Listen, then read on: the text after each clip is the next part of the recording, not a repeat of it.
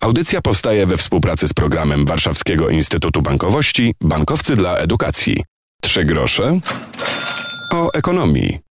Piotr Topuliński, dzień dobry. Będziemy dzisiaj w audycji nieco niepoprawni. To znaczy, ja zadaję pytanie biznes, a wy odpowiadacie nie, dziękuję. Okazuje się, że Polacy nie są chętni do tego, by zakładać własne firmy. Tylko 7% Polaków zmuszonych do szukania pracy założyłoby własny biznes. Niemal jedna trzecia z prowadzących biznes myśli o zamknięciu firmy, a nieco ponad piąty z nas o jej sprzedaży. Tak wynika z badania gotowości biznesowej Polaków przygotowanego dla firmy Asej Group. I będziemy dzisiaj do tych e, wniosków zaglądali i pytali o podejście młodych ludzi, którzy firm tutaj nawias, nie zakładają.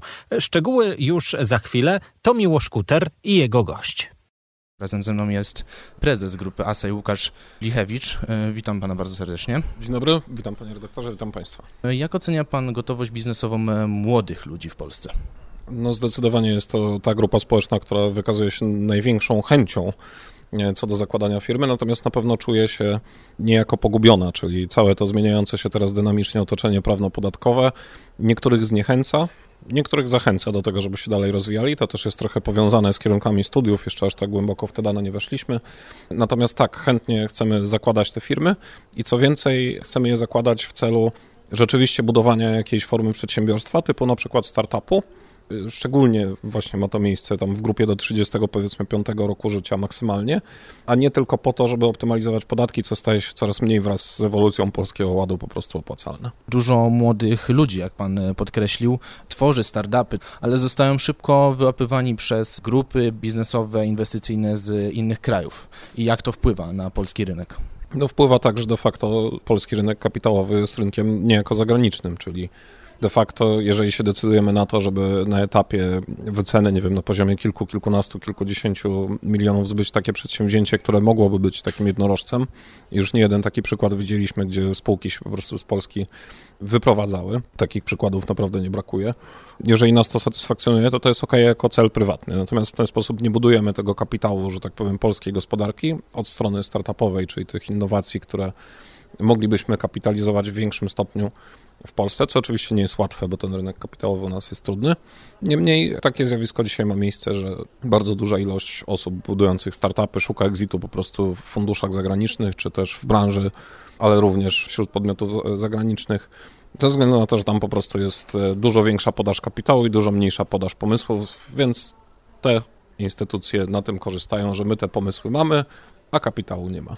E, Wyniki badań mogą zdawać się trochę pesymistyczne. One są przeprowadzane jeszcze w momencie odwilży trochę popandemicznej, e, w trakcie wojny i podczas zmiany e, rozliczania podatków e, związanych z Nowym Ładem. Jakie według Pana mogą być te najbliższe parę miesięcy, parę lat? Jaka jest prognoza według Pana? Wydaje mi się, że w ciągu kilku miesięcy niewiele się zmieni, to znaczy czekają nas owszem kolejne podwyżki stóp procentowych, czeka nas myślę, że jeszcze no już w miarę delikatniejszy, natomiast dalszy wzrost inflacji, która będzie cały czas wynosiła wyższe kilkanaście procent.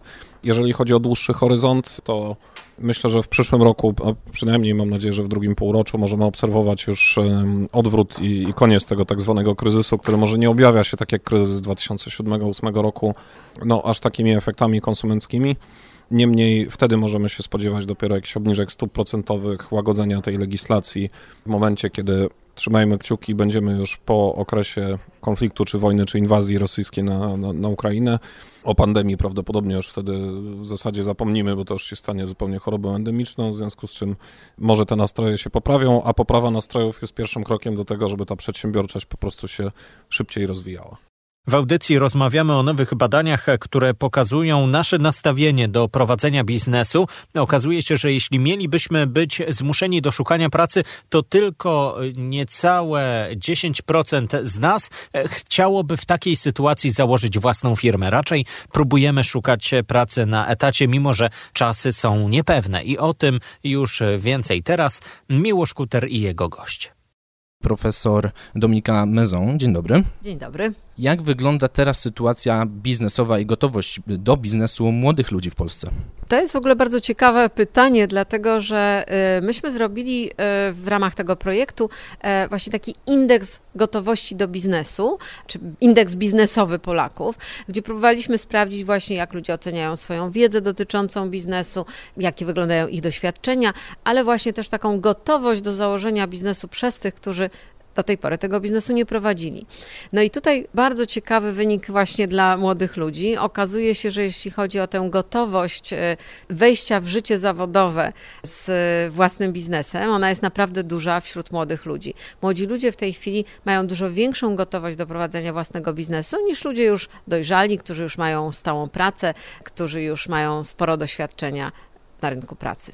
Co według pani profesor e, stanowi największe przeszkody na e, rynku biznesowym dla młodych ludzi? E, z czym muszą się mierzyć w głównej mierze, powiedzmy? Bardzo jest mi ciężko powiedzieć, co jest takie szczególnie trudne dla młodych ludzi, bo badanie to pokazało, że niezależnie od wieku, tak naprawdę, to mamy kilka bolączek w Polsce, jeśli chodzi o prowadzenie własnego biznesu. To są przede wszystkim wysokie podatki, to po drugie są wysokie koszty zatrudniania osób, które są zatrudniane przez osobę prowadzącą biznes.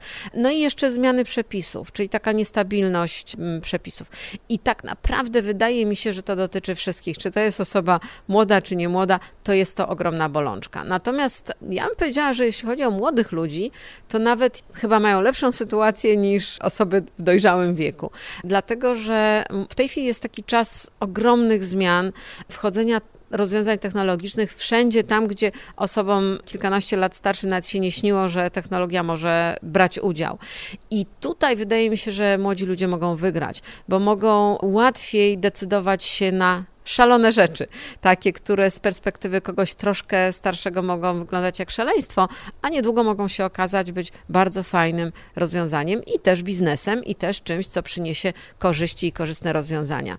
Nawet jeżeli sobie popatrzymy na czas pandemii, to myślę, że sporo młodych ludzi mogło skorzystać na poszukaniu różnych rozwiązań, na przykład związanych z pracą zdalną, z nauczaniem zdalnym.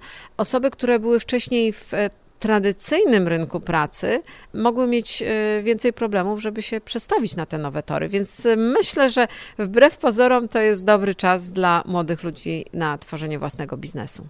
Czy uważa Pani, że wojna, sytuacja popandemiczna, a także nowy sposób rozliczania podatków wprowadzony przez Nowy Ład ma duży wpływ na biznes w Polsce? No, zdecydowanie to wszystko ma wpływ. To znaczy, mamy sytuację taką, że konsekwencji biznesowych wojny ukraińskiej bardzo wiele osób się obawia, osób prowadzących biznes.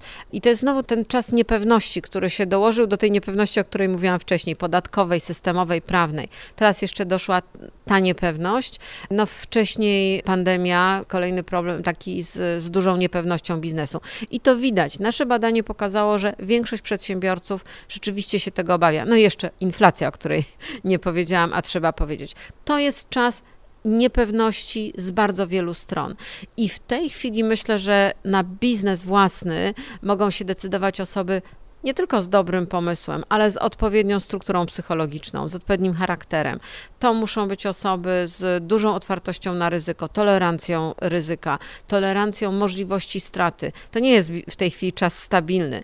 To jest taki czas wojny z różnej strony. Nie mówię tutaj o, tylko o wojnie w, w Ukrainie, ale takiej, takiej, no wszystko się dzieje, wszystko jest niepewne, e, coś spada, no ktoś może też na tym zyskać, ale tutaj to jest okres, gdzie osoby tylko mm, naprawdę odważne, z takim poczuciem sprawstwa, że mogę, są w stanie wygrać.